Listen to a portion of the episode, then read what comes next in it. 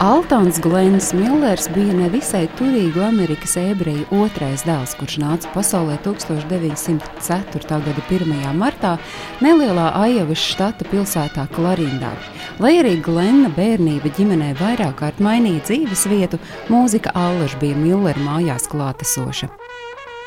Puikas gados Glens apguva trombonu spēli, bet pirmo trombonu zēns iegādājās 13 gadu vecumā par naudu, ko nopelnījis slaugdams govis. Pēc kārtējās dzīves vietas nomaiņas nepagāja ilgs laiks, kad Glens nodibināja savu orķestri un nostāsti vēsta, ka skolas beigšanas dienā viņš neieradās uz attestātu pasniegšanas ceremoniju, tā vietā kopā ar savu orķestri aizbrauca sniegt koncertu uz Laramiju. Saniknotais skolas direktors attestātu nosūtījis jaunā mūziķa mātei, klāt pievienodams zīmīti ar tekstu. Uzskatu, ka attestāts par skolas beigšanu pienākas jums, jo esmu pārliecināts, ka esat tā iegūšanai laiku veltījusi vairāk nekā jūsu dēls. Bet tajā brīdī pats Glens jau bija pieņēmis nemainīgu lēmumu. Viņam jākļūst par profesionālu mūziķi. Milleram izdevās noslēgt izdevīgus līgumus ar orķestriem, kuros spēlējot, viņš bija iekrājis naudu, lai iestātos Kolorādo Universitātē. Taču mācības ilgi neturpinājās. Viena semestra laikā izkrītot trijos no pieciem eksāmeniem, viņš pameta augstskolu un pievienojās Tomija Votkinsa orķestrim.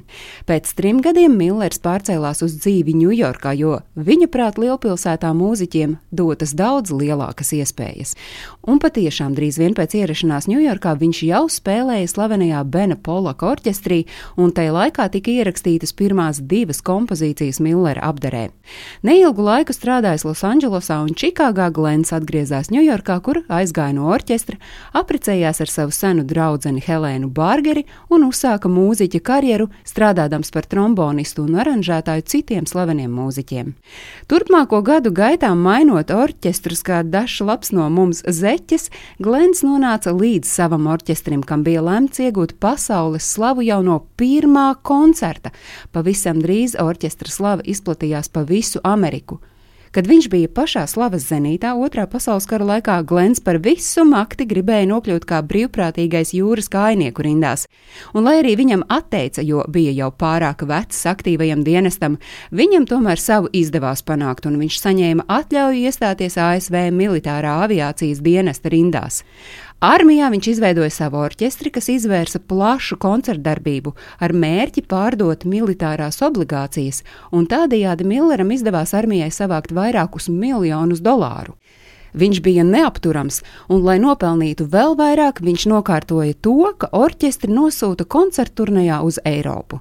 Tur mēneša laikā komanda sniedza koncertus 35 dažādās karabāzēs un piedalījās 40 radiotranslācijās.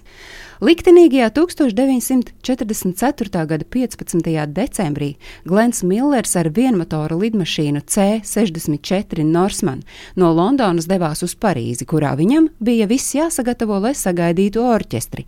Bija plānota Ziemassvētku radiotranslācija.